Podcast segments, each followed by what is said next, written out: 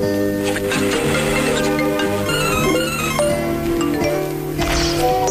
consultori digital.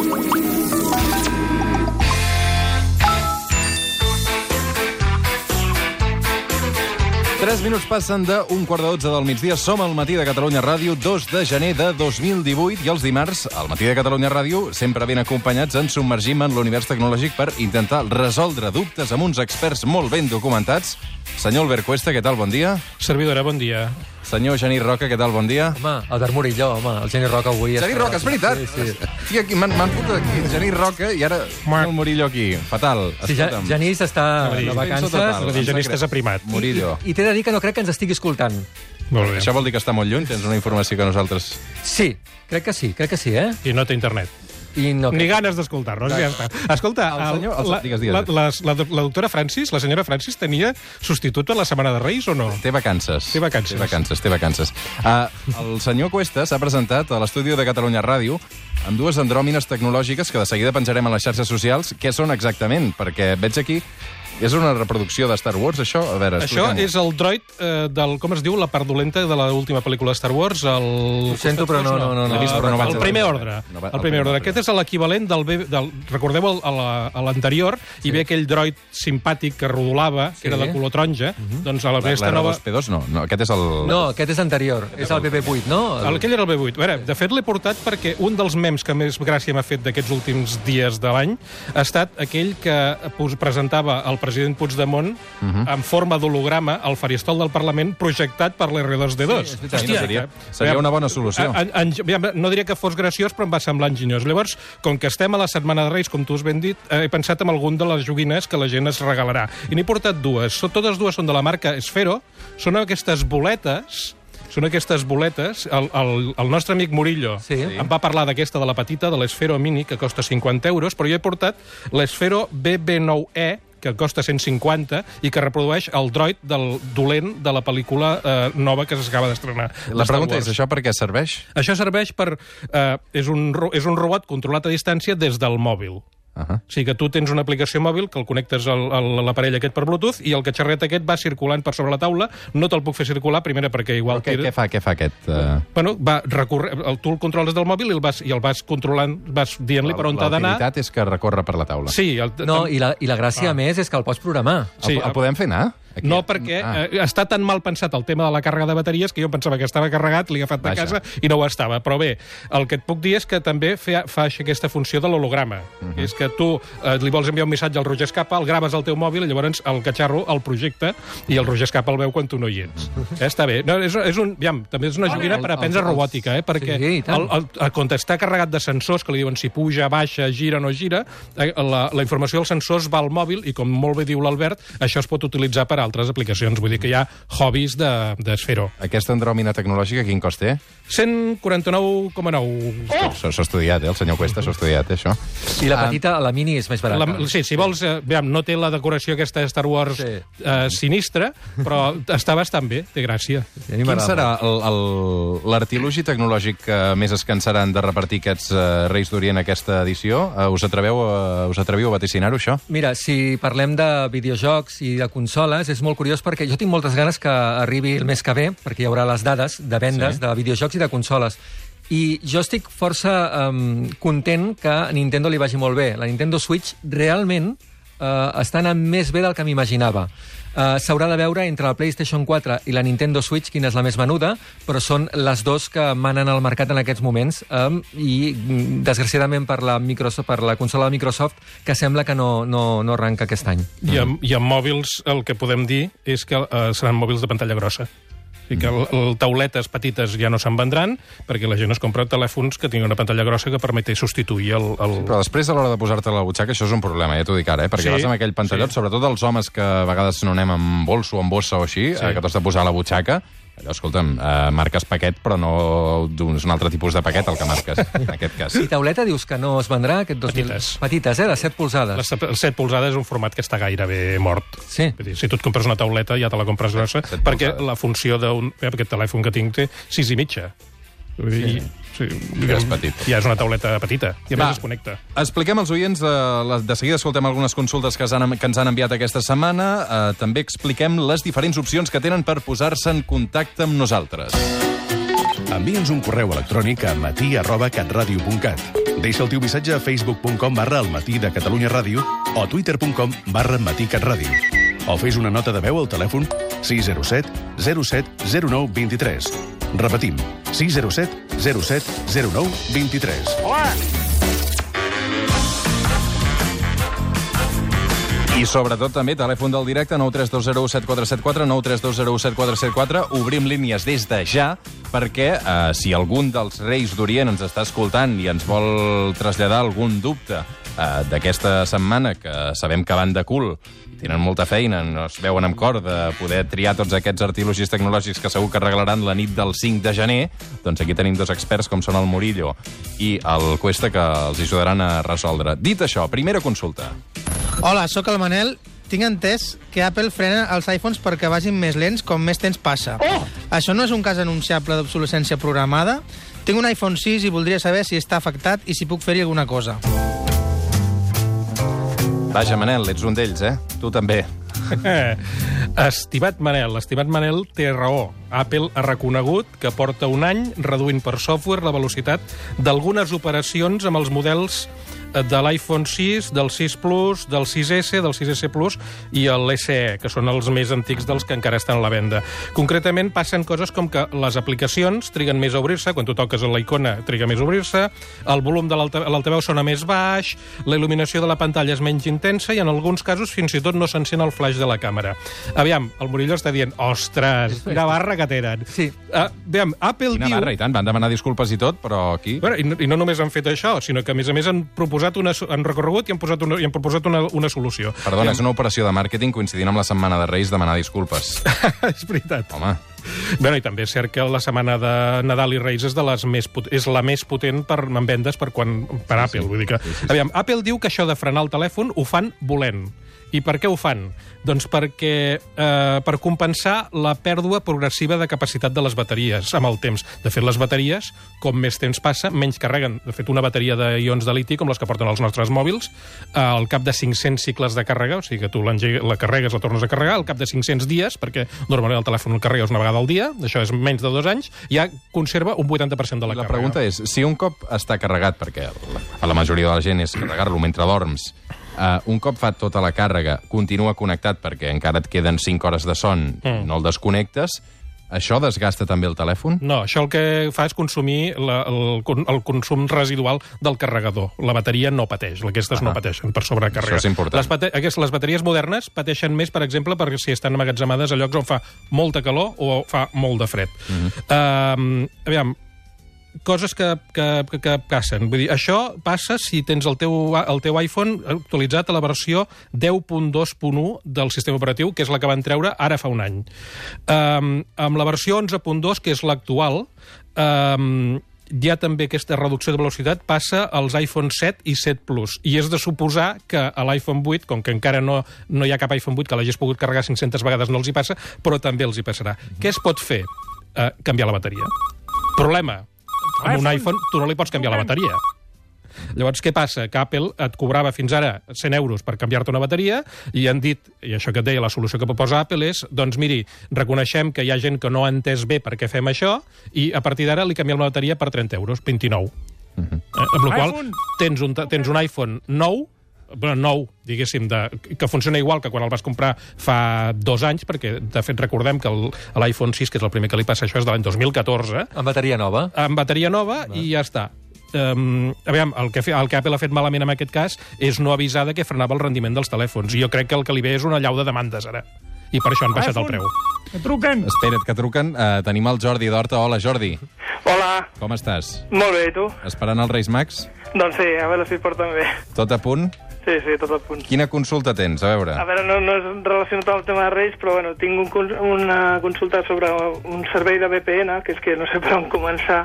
Hi ha moltes, hi ha moltes possibilitats i a veure si algun dels pot Servei de. VPN. Uh, no tinc ni idea de què és això, absolutament. Vull dir que el senyor Cuesta jo crec que estarà encantat de resoldre'ns aquest dubte. Uh, estimat uh, Jordi? Jordi, Jordi d'Horta. Escolta, uh, a veure, VPN, pel Roger Escapa, són les sigles de xarxa privada virtual, Ahà. que és una manera de connectar-te de forma segura a la informació que tu vols consultar. Mira, m'aniria bé això. Això ve a ser un túnel per on, aviam, les dades quan circulen per internet, si tu no les has xifrat amb el teu dispositiu, quan circulen per internet, en principi les pot veure tothom i... No n'hi ha prou amb allò de la finestra d'incògnit? No... No, això, la finestra d'incògnit, el que fa és no deixar rastre al teu ordinador de per on t'has passat. Sí, si algú que té accés al teu ordinador vol veure per on t'has navegat, si navegues amb incògnit, no pot reconstruir l'historial. Però les dades, quan circulen per internet, en principi són obertes, i llavors hi ha això, les VPNs, que són com una mena de túnels, que mentre estàs a dins del túnel no, no les pot veure ningú. La, el Jordi no ens diu per quina aplicació vol fer això, eh, vol fer servir una VPN. Eh, si és per una aplicació professional, la majoria de les, de les VPNs, eh, de les aplicacions professionals que requereixen VPN ja te'n recomanen una o en porten una. Si el que vol és navegar per internet sense deixar rastre i sense eh, indica, sense que es, es pugui saber des, des d'on s'està connectant, que això és una cosa que ho fa servir molt la gent que vol veure el Netflix d'un altre país, eh, allò que comences a veure una sèrie alemanya, vens aquí i no la pots continuar veient, doncs dius, vull amagar. Doncs això. Perdona, Jordi, no sabia que estaves amb antena, Sí, digues. sí, digues, Jordi, Ah, digues. no, no, no, és que sentia, sentia aquí el, eh, que em deien algú per aquí per, per telèfon i... Ah, no, Val. no. Bueno, doncs això, hi ha com a mínim un navegador web, que és a l'Òpera, que porta una VPN gratuïta incorporada. I dic gratuïta perquè hi ha serveis de VPN comercials que et costen un mínim de 5 euros al mes i que et permeten fer aquestes coses, que és amagar on estàs. Saps qui fa servir molt VPNs? Els xinesos. Perquè els xinesos tenen capada tota la internet, només poden entrar a internet xinesa, doncs quan volen veure la internet de fora de Xina, eh, s'han de eh, donar d'alta amb una VPN perquè simular que estan a Holanda o als Estats Units. Jordi, t'ha quedat clar? Doncs sí, eh, si té algun, alguna recomanació de- de- d'algun proveïdor que faci això que, que ha explicat al final... Home, d'aquestes de pagament, AirVPN. AirVPN. I si, I si vols navegar per webs eh, amb VPN, fes servir el navegador Opera. Val, perfecte. Espera, el Murillo també et vol... Sí, no, no, li volia comentar a l'Albert. És curiós, l'altre dia eh, vaig entrar a l'habitació del meu fill, que eh, té un ordinador, el meu antic, diguéssim, eh, és, és un Mac, i l'altre dia em pregunta, escolta'm, és que, eh, mira, estava mirant una sèrie a Netflix, però eh, vull veure-la als Estats Units eh, i estic fent això de, de connectar-me per VPN. I vaig dir, alto! Hosti, veig, que, no, no. veig que el fill ha sortit del pare per això, eh? No, no, però, però jo em vaig preguntar, bé, però això, això no és legal, no és legal, no? Les VPN... Bé, si tu Eh, llegeixes els, ter els segons els termes i condicions de Netflix, no. Oi que no? No, absolutament. Però hi ha tantes... Aviam, hi ha una cosa una altra cosa que està als termes i condicions de Netflix, que és que un compte familiar només el poden fer servir cinc persones que visquen a la mateixa llar, Ja. i en canvi la comparteixen entre amics per pagar una cinquena part. Um, però sí, vull dir, les- l'ús de Jo ho he parat, VPNs... ho he parat, ja veurem què farem. No, a més, hi ha una qüestió. Compte amb la VPN que feu servir, eh? Perquè us poden... pot ser que sigui pitjor el remei que la malaltia, perquè us robin ells dades. Jordi, explica'ns, eh, prova-ho, tot això que t'han explicat el company Cuesta i el company Murillo, i de cara a la setmana que ve ens tornes a trucar i ens expliques com t'ha anat, d'acord? Val, perfecte, moltes gràcies. Una abraçada i bon any. Eh? Bon any. Anem a la segona consulta. Hola, sóc la Berta. M'agradaria saber quines són les millors empreses per treballar. Hi ha algun rànquing? Com es valora? Ja està bé. Voleu fer el favor de treballar? A veure, Murillo, sí. uh, les, més- suposo que diràs uh, Catalunya Ràdio, no? Eh, no, anava a dir el consultori digital, eh, primera posició. Gràcies. El nostre. Clar, Vaja. aquesta secció és la que la millor per Sí, treballar. eh, No, no. És molt curiós, eh, perquè eh, m'agrada molt aquesta pregunta, perquè, eh, evidentment, efectivament, hi ha un estudi eh, que fa Glassdoor que cada any elabora les millors empreses on treballar. És a dir, us imagineu aquestes empreses on la gent va en patinet, que hi ha futbolins... Tira pel Eh? Catalunya Ràdio, igual. Sí, sí, exacte, Un tobogan... No, i a mi m'interessa perquè vull, vull saber de quina, mm, de quina forma, quina és la tendència el 2018 a- en quant a, a les millors empreses. A què es dediquen, sobretot? A què es dediquen? Mira, res, ràpidament, eh, el top 5. En cinquena posició hi ha una empresa que es diu Ultimate Software, que fa programari de recursos humans. Atenció. Això és un bucle. Bé, però mira, fixa't, eh, funciona i, i és una empresa important. La quarta, Worldwide Technology, una altra consultora d'internet, és a dir, aquestes típiques empreses que t'expliquen com eh, fer la feina a través de, de la xarxa. Uh, tercera posició, HubSpot, eh, que fan programari de màrqueting i de vendes. I eh, posició 2 i posició 1, eh, les típiques i les tòpiques. A la segona posició està Google i a la primera posició està Facebook, que és, eh, segons aquest estudi, que valora eh, coses com la possibilitat de promoció, compensacions, cultura empresarial, valors, etc. La primera posició eh, és per l'empresa Facebook. Sí, quan entres al costat fosc t'hi trobes bé, diguéssim. Sembla que sí, que cuiden, cuiden a la gent i cuiden, fins i tot fan l'entrevista a gent que, ha estat, que ja està fora. Eh? No només gent que, que és dins de l'empresa. També hi ha gent que ha escrit llibre, que ha treballat a Facebook i ha escrit llibres parlant de l'experiència i no els No, deixa exacte. gens bé, eh? Gens, gens. Doncs eh, dubte resol, en aquest cas, eh, amb aquest dubte que teníem d'un oient, eh, però en tenim més. Eh, avui tenim dues absències destacades. Una és el Genís Roca, malgrat que hem fet esforços per presentar-lo al principi, l'altra és la Mariola.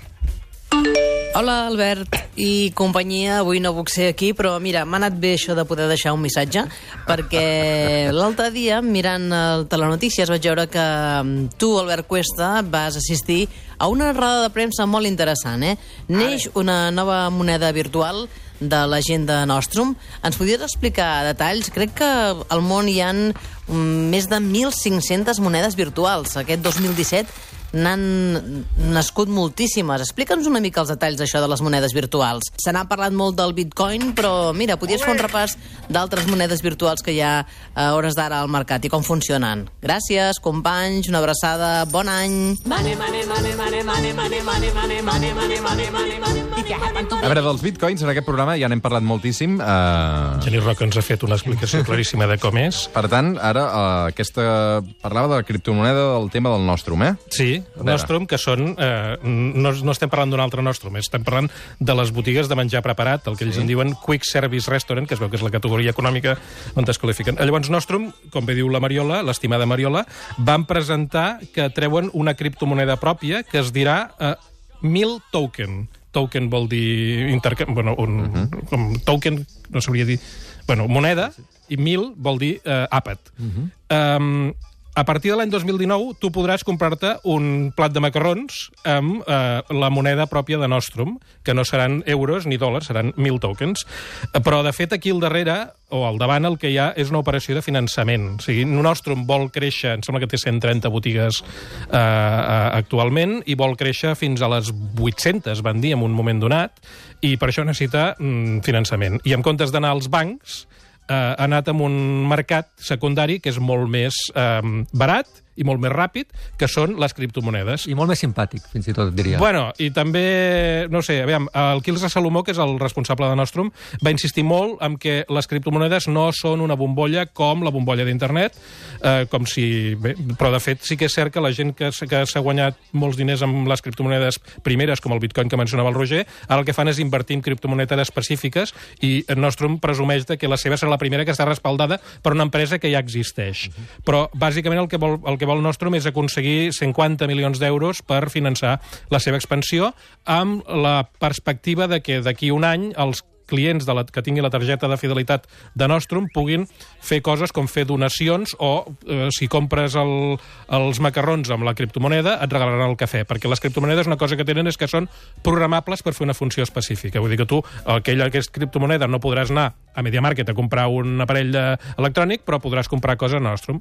Vull dir, I la funció és aquesta. Llavors aquí la clau està en saber fins a quin punt això és una operació eh, fiable, una operació es o purament especulativa, perquè de fet ha la gent que estigui pensant en invertir en bitcoins, com el nostre estimat Genís Roca, que diu que ell ja ha invertit en, bitcoin, en, en Ethereum, que és una altra moneda alternativa.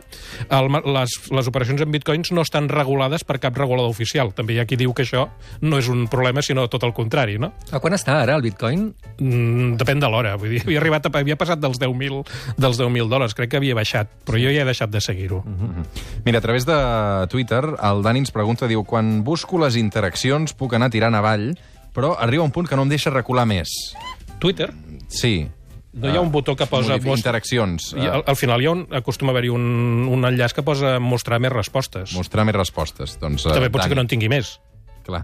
El Dani potser és I el, també la qüestió i, que li falta. i estic pensant que potser hi ha un màxim mirant-ho pel mòbil i no hi és eh, mirant-ho per web. Uh, ho Ah. mirarem, ho mirarem, eh? Perquè... No, mira, tinc el Twitter aquí obert, sí. a través del web segur que sí. Sí, el, que- el que diu és que no, té, no, té tot el, tot el, no veu totes les Hi ha un respostes. moment que en què no li deixa recular, recuperar interaccions més antigues. Pot ser una altra cosa. Pot ser que tingui configurada la visualitat de les respostes eh, d'una manera diferent. És a dir, jo, per exemple, tinc confi... jo no veig totes les respostes que em fan perquè tinc configurats que no vull veure les respostes de la gent que no em segueix. Mm. I tu pots tenir-ho configurat d'aquesta altra manera o d'alguna altra... Hi ha, hi ha filtres. Mm -hmm. que desactivi... Si vols veure-la totes, que desactivi tots els filtres. Ara. Doncs eh, apunta't això, Dani, a veure si te'n surt, si no ens ho tornes a escriure. La Irene Campos, una altra consulta, et diu, és normal que Twitter rebentés per cap d'any, caigués per cap d'any? Um... Va passar, eren, que eren les 9 del vespre? El que va, el que va caure per Eh, va cap ser d'any va ser WhatsApp. WhatsApp. WhatsApp, WhatsApp, sí, sí, sí uh, he dit Twitter i volia dir WhatsApp. Eh, Recordo que no és la primera vegada que passa. A veure, és normal perquè és un servei que el fa servir molt. El que no és normal és que WhatsApp no reconegui que ha caigut, perquè WhatsApp té dos perfils a Twitter d'informació. Un és el comercial, que es diu arroba WhatsApp, i l'altre és WhatsApp Status, que se suposa que el tenen previst per avisar quan tenen incidències. I des de l'any 2014 no han avisat de cap incidència i, evidentment, des de l'any 2014 han tingut moltes incidències, inclosa la, del, la de diumenge passat. Vaig calcular que quan, quan va patar era, era cap d'any eh, aproximadament... Eh, bueno, L'hora de més sí, trànsit. Sí, de més trànsit a Àsia. Ah. I, I potser va ser a partir d'aquí. Però, va, però hi, ha, hi ha mapes d'incidència sí. i jo vaig veure, per exemple, hi havia molta incidència a Holanda, Bèlgica, al nord de, de França, eh, que això no té res a veure amb, amb, amb Àsia, amb el cap d'any d'Àsia. Atenció perquè els, 20, el bitcoin està a... Va arribar als 20.000 dòlars i ara està a 13.721. És que aquest és el tema. Avui que no està el Genís, aprofito per dir una cosa que no m'atrevia l'altre dia a dir-ho. Jo recordo Digue-ho ara, que digue-ho fa ara, que el traurem al tall la setmana que ve. molt de temps, eh, fa molt de temps, en aquesta secció vam parlar del bitcoin, i ell va comentar que em va comprar. Jo vaig pensar, quants deuria comprar? Quanta pasta té? Sí, Doncs sí, li sí, preguntem, sí, sí. Si, si la setmana que ve no torna ja saps la resposta. De fet, puc fer un blanc, eh, la pregunta. Genís, eh, quants diners tens relacionats amb el bitcoin que vas comprar ara fa molt de temps? Quanta pasta has guanyat, lladre? Va, uh, per acabar, què heu demanat als Reis d'Orient? Vosaltres que sou andròmines tecnològiques. Mira, he, he demanat uh, un magnetòfon, un magnetòfon molt antic uh, de ràdio, uh, de la marca Revox, i m'està portant moltes alegries, perquè han vingut amics a casa i hem recuperat bobines uh, familiars dels anys 60. I l'altre dia va venir un, un amic meu, Sí que ets vell. Francesc, sí, però és meravellós escoltar les veus de les persones fa molt de temps. Ahà. És meravellós escoltar uh, les campanes d'una plaça uh, els de, dels anys 60 i com tot és absolutament diferent. I mira, ha estat un, un, un regal que m'he fet que m'ha portat moltes alegries. Els Reis, els Reis. Psicofonies Murillo, eh, tot Sí. això. Et prometo unes quantes bobines del pel teu, pel Oh. teu estudi Revox. Doncs quan vulguis, vens a casa. Senyor Cuesta, Jo no havia demanat res tecnològic.